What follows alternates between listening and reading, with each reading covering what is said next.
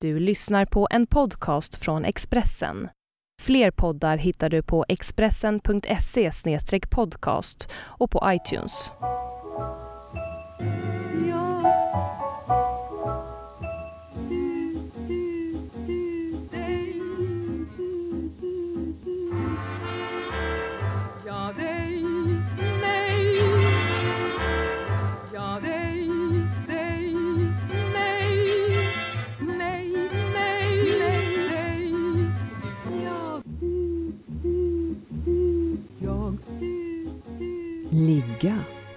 Brodrej. Välkommen till min podcast Lena Willemark. Mm, tack. Du är en prisad folkmusiker, du är kompositör, improvisatör, riksspelman, tidigare medlem i Girls and Pals, numera medlem i eh, trion Willemark och Knutsson och Öberg. Mm. Som just har släppt en ny skiva, Alla drömmars sång, där du både sjunger och spelar fiol. Nu är du här i Alla drömmars säng. Åh, vad fint ja. Hur känns det? Ligger du bra? Mm, jag ligger fint faktiskt. Kan du inte säga det på älvdalsmål också? Jag känner gott. Gör i sansen. Alltså varifrån kommer det här vackra, underliga språket? Sansen, sängen. Det kommer från... Nu jag, börjar redan liksom åka in i den här drömvärlden. kommer från drömmarnas värld. Det kommer från Älvdalen, så det är älvdalsmål. Till exempel, om man går ut i skogen, för att ta ett exempel. Om jag, om jag går ut i skogen och kommer fram, och det är liksom en mörk skog, men så kommer jag fram till en glänta i skogen. Och när jag säger det, visst får du upp en, en liten glänta i, i, i eh, ditt huvud och sinne sådär. Och det heter rysa på älvdalsmål. Men rysa, i att rysa, är också en möjlighet i livet på älvdalsmål. Så på något sätt så är det det där upplevelsen, men du, du, använder, två, du, du använder olika ord på svenska. Men också att det är en det har, eh, det har många ljud i sig som inte svenskan har. Window, eller otherwise. Eh, alltså det, har en, det kan vara både kraftigt och grovt men sen också väldigt, väldigt lätt och sensibelt på något Mm. Mm. Och du tycker om att sjunga på älvdalsmål? Jag tycker Ja. om att sjunga på Ja, alla det sjunger nästan av sig själv. Ja, det har ju också mycket, alltså, sta- oli- olika typer av konsonanter, väldigt hå- hårda men också väldigt mjuka. Ehm, och sen har det ju eh, väldigt mycket diftonger och triftonger, alltså mycket olika. Ja, för mig är det mer, ett, mer fullt av sound Mm. faktiskt. Mm. Mm. Hur skulle du eh, beskriva platsen eh, där du växte upp? Ja. Det är ju en vildmark där uppe faktiskt och eh, väldigt karg och, och, stark natur. Eh, men sen har det ju liksom en, alltså väldigt säkert, om man tittar ut så är det rätt exotiskt sådär med den här eh, kargheten och eh, det är ju, när jag växte upp var det ju faktiskt många fler i alla fall fäbodar som var i bruk och alltså ett ålderdomligt eh, eh, förhållande där. Men, men samtidigt också eh, lite sådär tjosan hoppsan, lite sådär High Chaparral-aktigt och raggarbilar och Och det, het, det heter närmare bestämt Evertsberg. ja. Mm. Mm. Och det är ett samhälle som fortfarande lever eller är det, är det avfolkningsbygd? Ja, det är det väl som, mm, som landsbygden i, i stort i Sverige tyvärr. Eh, Det är rätt tufft att bo på landsbygden nu. För, ja, det är tufft i stan också men på ett helt annat sätt. Alltså, det är ju en... Det här med arbete och, och eh, det är ju jättesvårt alltså. Men, men byn, alltså det är ju Älvdalen som kommun är ju rätt stor och det finns många byar och Evertsberg är en. by Mm. i den här kommunen. Bodde ni mitt i byn då, Ja. du och din familj? Ja. Var ni många syskon? Nej, inte så många. Eh, vi bodde mitt i byn kan man säga, fast norr i byn. Ehm, och eh, på vägen mot Dysberg till, alltså i, i norra ständen av byn. Mm. Och jag har inte så mycket syskon. Jag har en syster, en älskad syster Kajsa. Mamma och pappa ville ha många barn men pappa blev sjuk när, när jag var liten. Mhm. Väldigt allvarligt sjuk så att då? han överlevde. Du, han, ehm, han var en av de första i Sverige som fick pacemaker. Han var en eh, riktig sån där överlevnadsmänniska och eh, väldigt duktig idrottsman även om han inte tävlar på elitnivå sådär, skogvaktare. Åkte han Vasaloppet? Ja, det har han gjort. Men sen tränade han när han hade en infektion. Aha. Så det gick ner och satte ett ärr i, i hjärtat. Mm. Och, eh, så det var väldigt shaky år. Hur gammal var under du då? min, då? Jag var spädbarn. Oj då. Så att eh, första gången hjärtat slutade slå så hann han precis att lägga ner bebisen Lena innan han ramlade ner. Ja. Men, så att det var många år där som var präglat av eh, alltså att katastrofen låg och lura. Och eh, det var ju väldigt tufft för min mamma och min pappa naturligtvis, men min mamma som, som eh, var ensam med två små barn och hade ju flyttat till... Pappa fick alltså jobb som skogvaktare där i byn. Så att det är inte så att jag är liksom, har många generationer som har bott där utan de flyttade dit eh, fyra år innan jag föddes. Mm. Så också en slags ensamhet måste det ha varit för, för mamma i, i det läget. Så det var tufft. Men det gjorde ju att jag satt, eh, var väldigt mycket ute i naturen själv och sjöng och mediterade och satt i träd. Och det var någon tröst för mig det här med sången och, och eh, eller en, en, en kontakt med allt, med mig själv och alltet, sången faktiskt. Och eh, så var jag mycket med gamla människor. Mm. Ehm, som, så att det har ju, på det sättet var det ju någonting som väcktes i mig. Eh, som den här utsattheten kanske skapade. Mm. Så du sökte upp eh, gamlingar som hade tid och Ja, eh, va, råkade vara hemma och så? ja alltså det, när jag var liten, vi hade ju varandra jag och min syster, men ehm, ehm, sen my- mycket, jag har ju inte så jättetidiga minnen, men alltså när, när jag blev lite äldre och kunde ta kontakt själv så var det ju självklart att jag tyckte om att vara med, med gamla människor. Så mycket kommer jag ihåg i alla fall. Ja. Och med Anders, Ekor-Anders och Svärsmärta. Och det- blev ju stora, eh, alltså i stor betydelse för mig faktiskt. Föll det sig alldeles naturligt att du skulle liksom ta del av deras musik? Det är svårt att beskriva ett, ett inre förlopp som bara är i ord.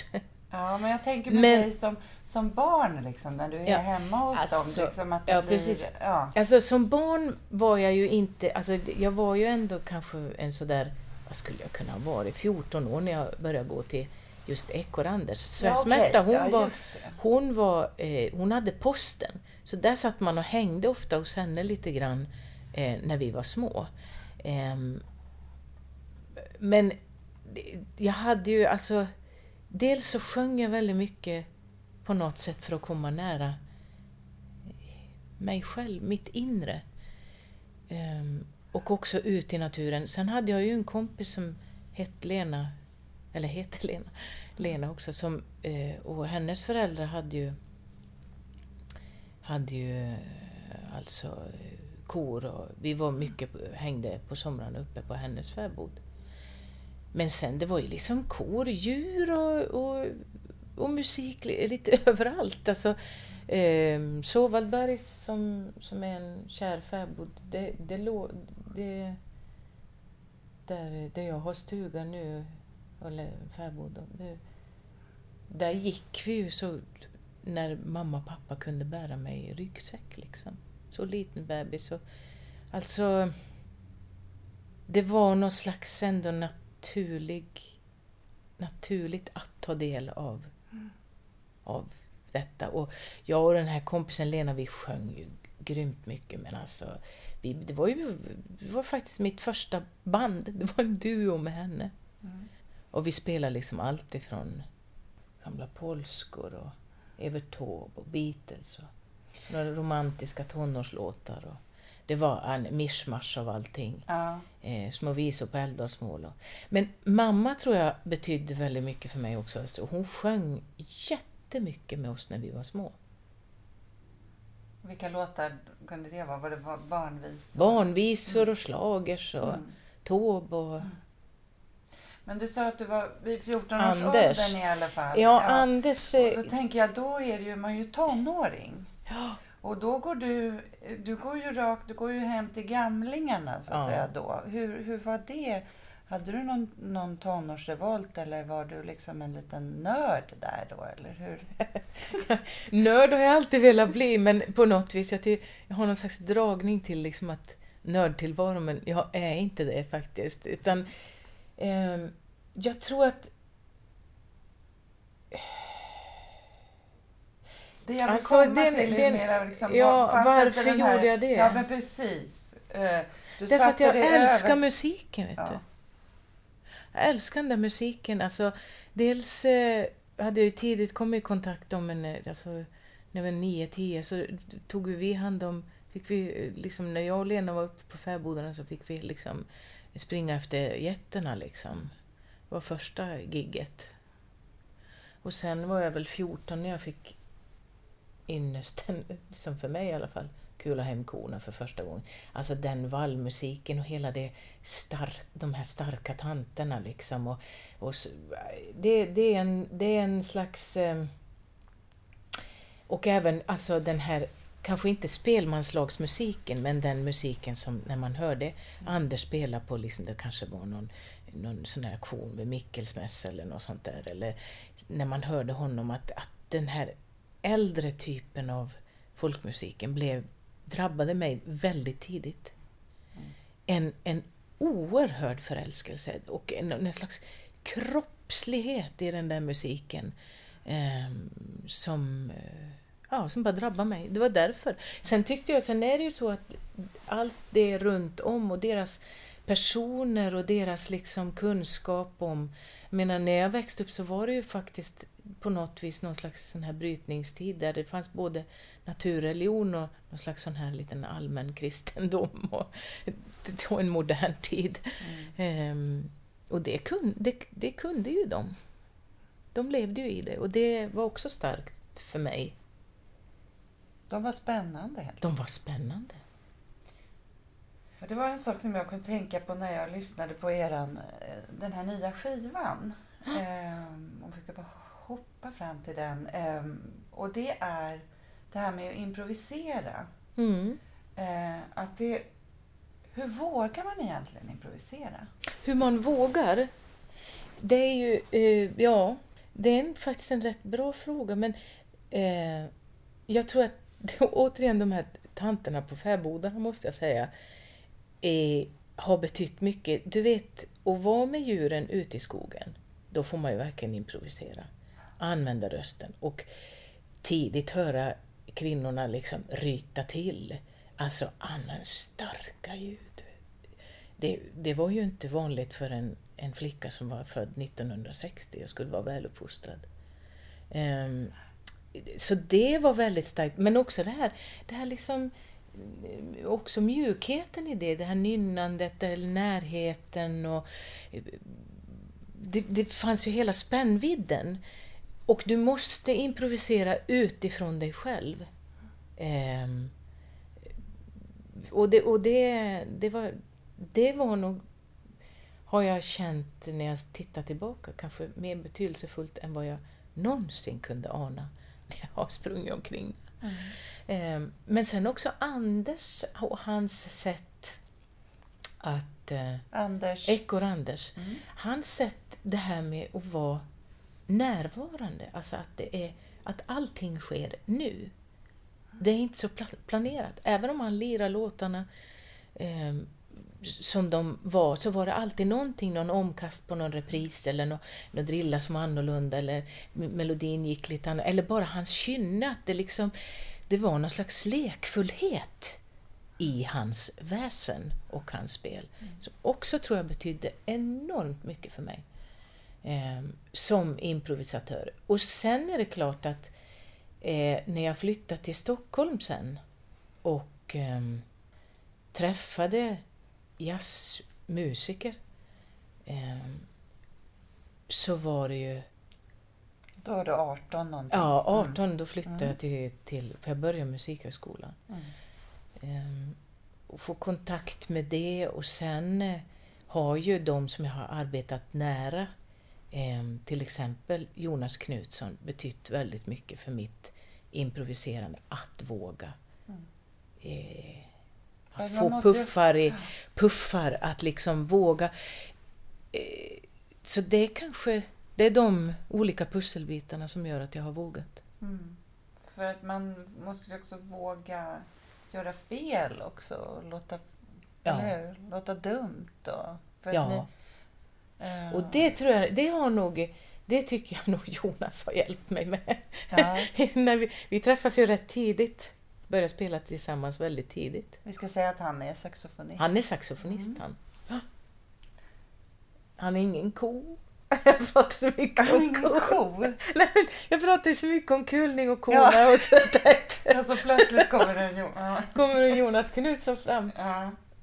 råmandes. Nej, Mm. han, är- han är saxofonist. Mm. Du låter ju på... Du, det är en massa olika läten. Du är det sista, sista spåret på den här skivan. Du väser och låter som ett djur. Liksom, Ja. sådär. Ja. Nej. Ja, men, men jag tror att det som är grejen med mitt improviserande, det är ju att, att det är de här pusselbitarna, att det är att jag har lärt mig att improvisera ute också. Mm.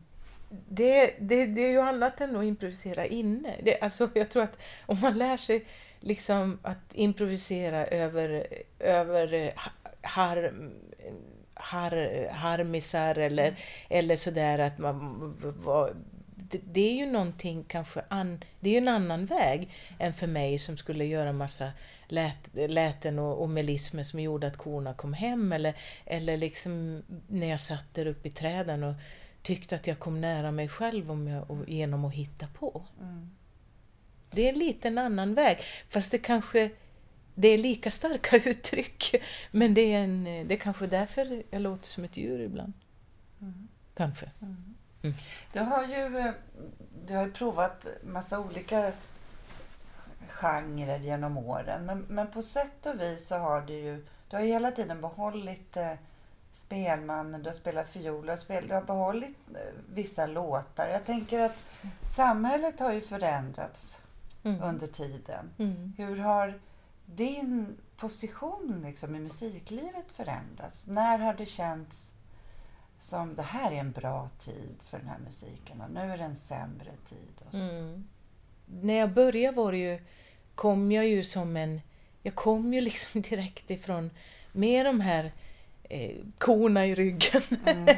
eh, och ville spränga gränser utåt på något vis. Och jag menar när, när Frifot började, till exempel då, den här trion som vi formade, jag och Olle Möller och Per Gudmundsson 1987, så var ju vi banbrytande. Det var ju folk som rev ner affischer och sa att det här är fan inte folkmusik.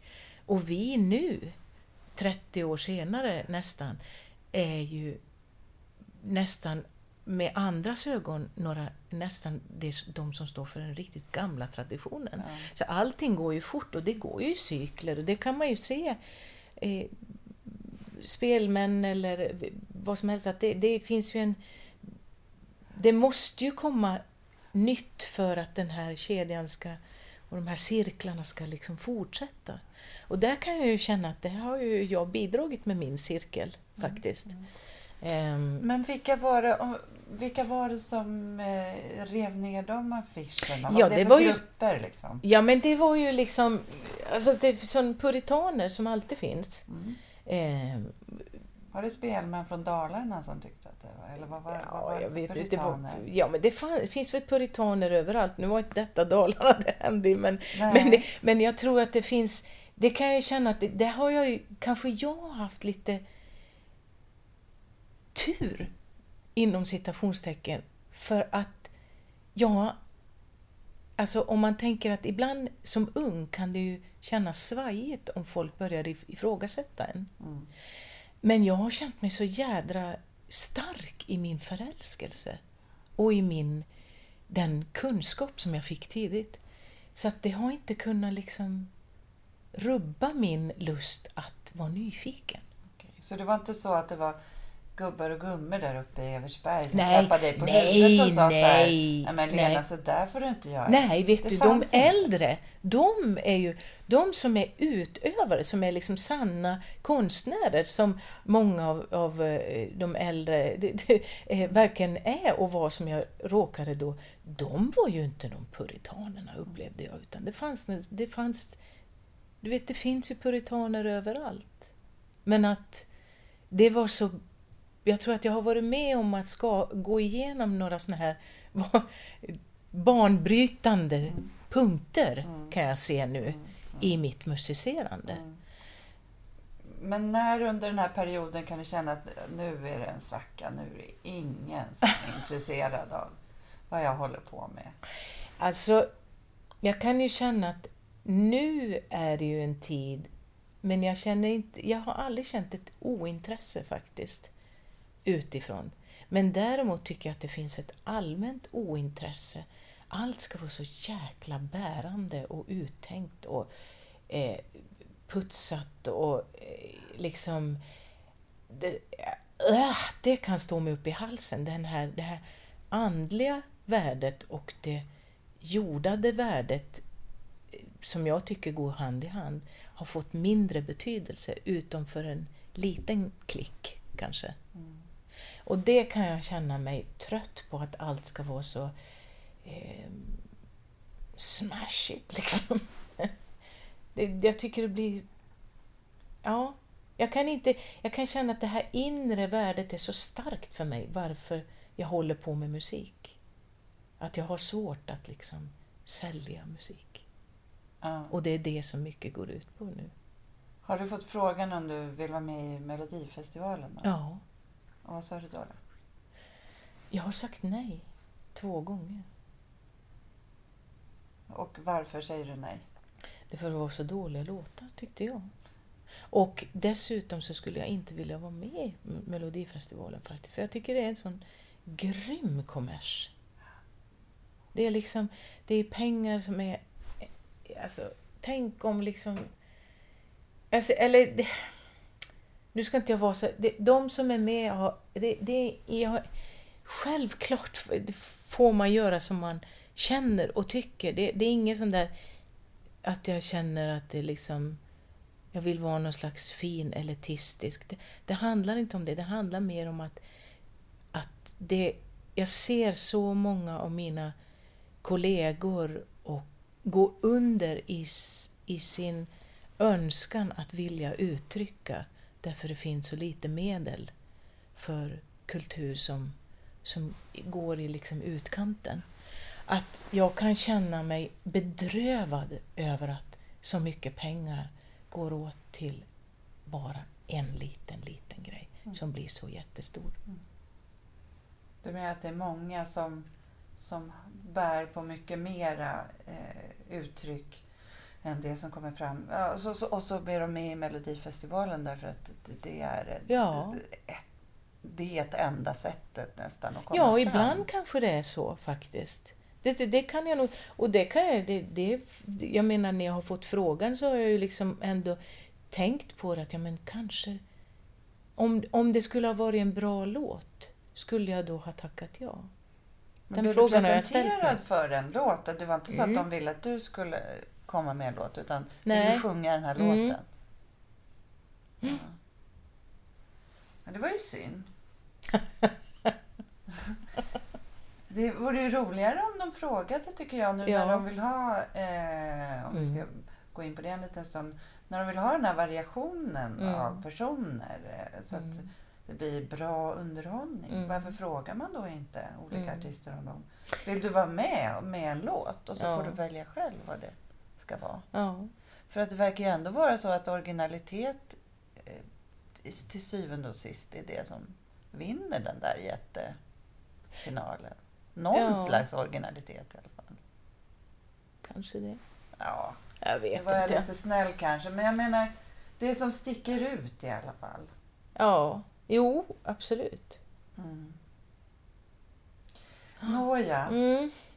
Eh, men det om lite grann tidsandan. Mm. För jag tänker också på en annan sak och det är att i oktober 2010 så deltog du i en protestmanifestation på Mynttorget i Stockholm. Gjorde du inte det? Jo. Jo. Det var fullt av folkmusiker som, som jammade och dansade mot främlingsfientlighet. Mm. Eh, min, ja, det minns du. Mm. Droppen var väl kanske att Mattias Karlsson, SDs Mattias Karlsson, hade hävdat att det inte fanns utrymme för svensk folkmusik på musikhögskolorna sedan man tagit in utländsk Mm. folkmusik. Mm. Alltså den där rädslan, eh, så, och den kan, kan jag känna...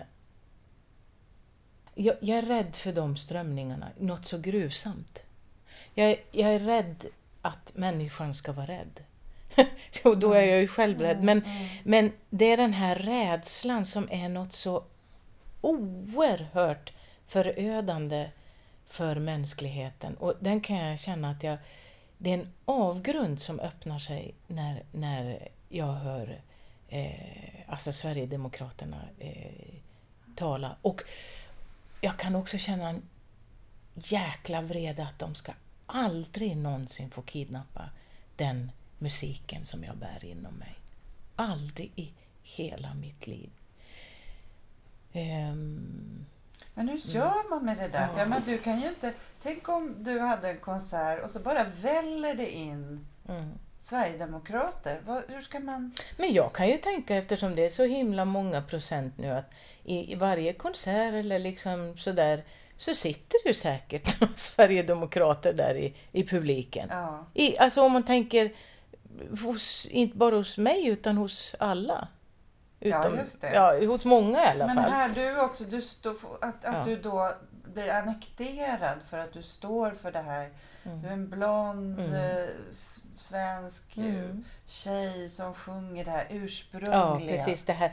Alltså jag kan ju, det, det är ju, eh, det har jag också fått känt, fråga mig själv nu, eh, vad, vad, vad får jag inte bli rädd att göra? Vad får jag inte bli rädd för att säga?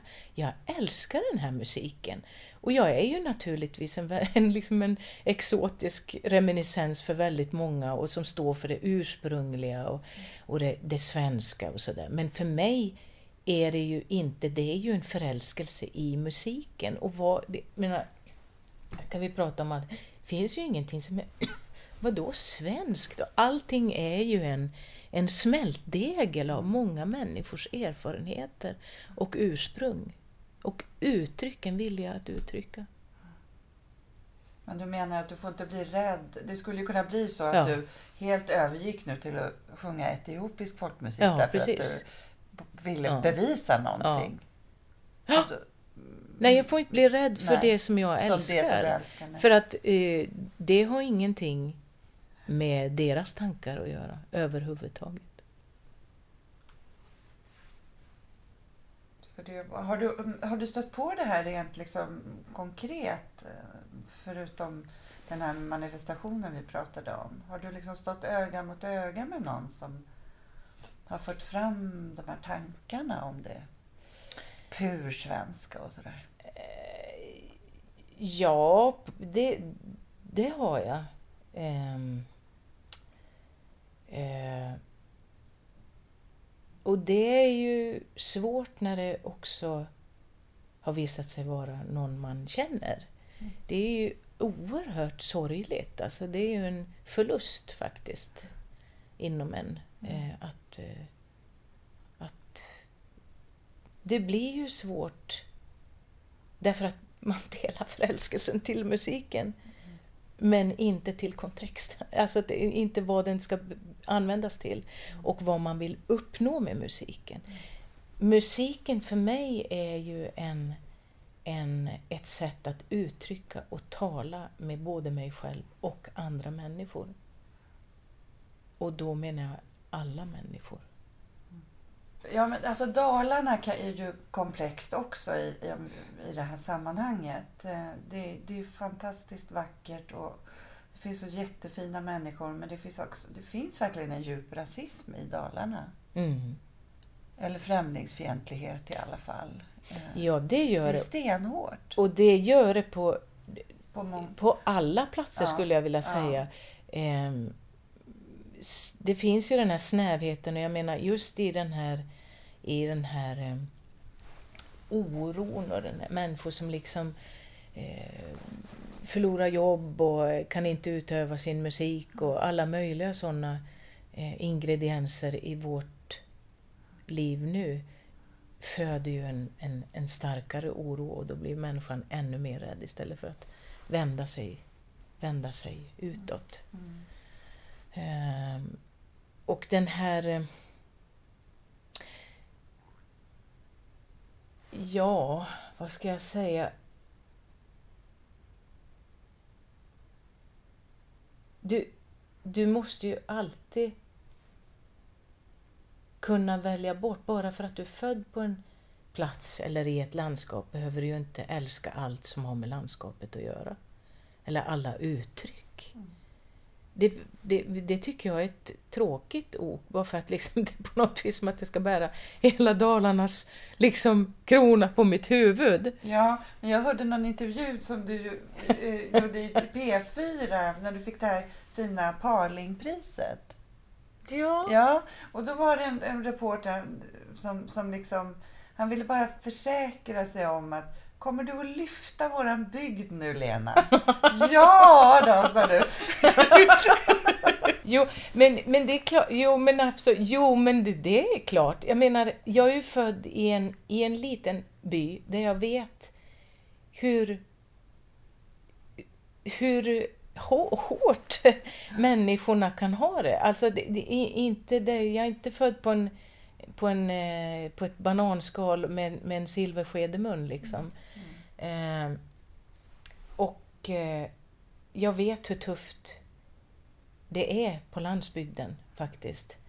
Eh, och att det finns mycket liksom fortfarande, eh, någon slags sån här att eh, alla är mer eller mindre kufar och, och liksom om man inte har läst liksom eh, Goethe eller Freud då är man liksom lite obildad. Och, alltså det där med, det, det, det, så på det sättet kan jag känna mig väldigt nära den landsbygdsmänniskan. Ehm, och därför vill jag gärna lyfta det. Ehm, men det är av kärlek. Mm. du. Du har sagt någon gång att det måste finnas lite skit i livet, liksom, annars blir det inte bra. Nej. Så, vilken är den absolut värsta Skiten. skiten? Nej, säg du nu. Nej. Vilken är, vad är skiten i ditt liv då? vad är skiten i mitt Du- liv? Du, Oh. Oj, oj, oj. Skiten är väl... Alltså den värsta... Alltså det finns ju olika skit. Det finns ju den där skiten som är lite härlig eh, och skiten som är förfärlig. Mm. Den skiten som är lite härlig, det är ju det där lite på något vis att det... eh, Det är inte så jädra fint i kanten liksom. Och har med också att våga, våga. Ehm, att inte vara så liksom rädd och polerad eh, utan att eh, våga på något vis. Det får väl bära eller brista. Den, den, den lilla skitgrejen, den är ju härlig. Men sen är det ju en, en, den skiten som gör som är, är jobbig men som naturligtvis varje människa mer eller mindre sliter med, det är ju en slags inre oro och ifrågasättande och sorger i livet som, som, eh, som kidnappar en. Ehm, antingen om de kommer inifrån eller om de kommer utifrån. Liksom. Det, är en, det är ju...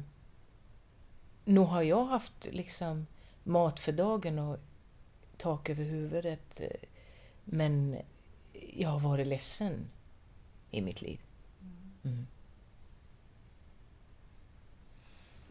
Du var, men nu, du, är, verkar, du är sund som en, du verkar frisk som en nötkärna men du har inte alltid varit alldeles kärnfrisk. Va? Men tänker du på huvudet eller på kroppen? Ja, på kroppen. Ja. Nej, jag... eh, Vad tänker du på då?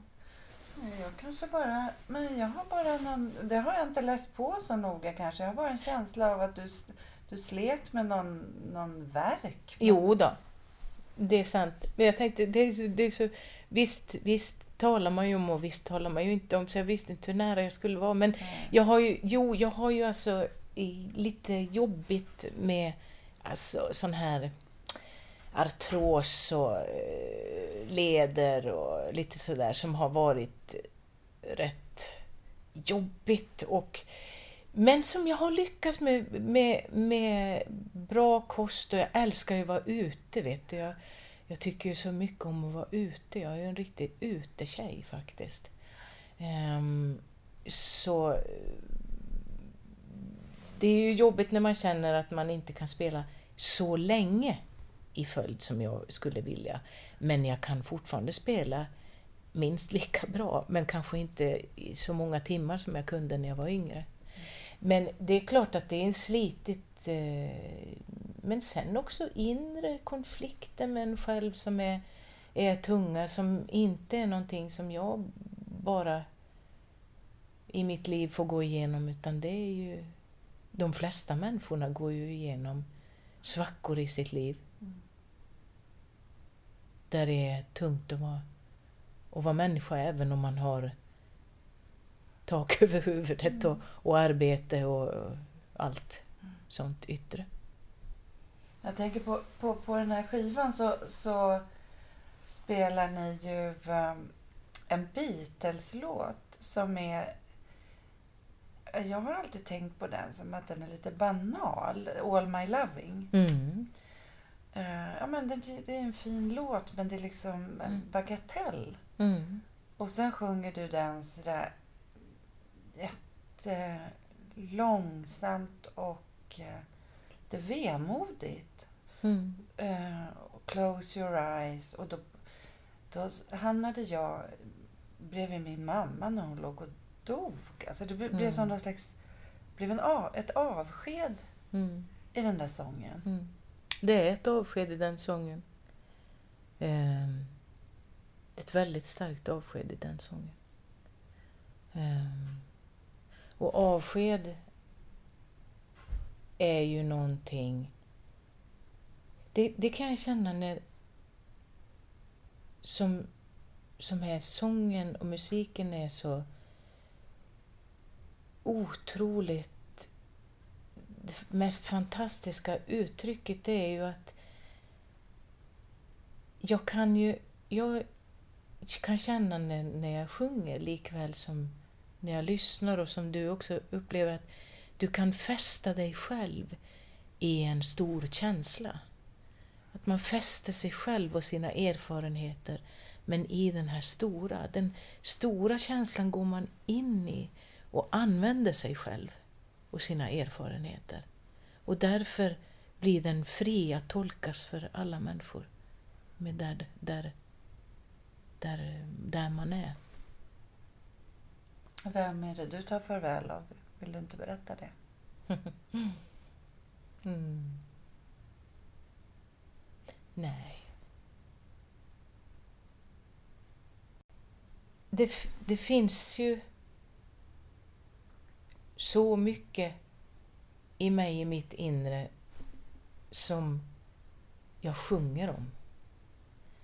Det är därför jag håller på med musik. För att inte behöva berätta allt i ord. Men jag berättar det genom, genom min musik. Där vill jag tacka dig, Lena Willemark, för Mm. att du var med i den här podcasten. Mm. Hur tyckte du att det var att ligga här? Jag tyckte det var härligt. Jag tyckte det var... Det är, en, eh, det är en annan känsla för att du talar väldigt mycket med dig själv. Eh, ännu mer när du ligger ner och inte tittar på den som intervjuar så talar man ju med sitt inre mycket mer. Ehm, det, är en, det, det, det är rätt häftigt faktiskt. Men det är stora ämnen som vi berör och som jag kan känna att det är en... Det finns... Det är nästan så att man får näst, jag får nästan stoppa mig själv ibland för att det blir nästan för nära. Att allt vill inte jag... Allt kan jag inte prata om. Mm.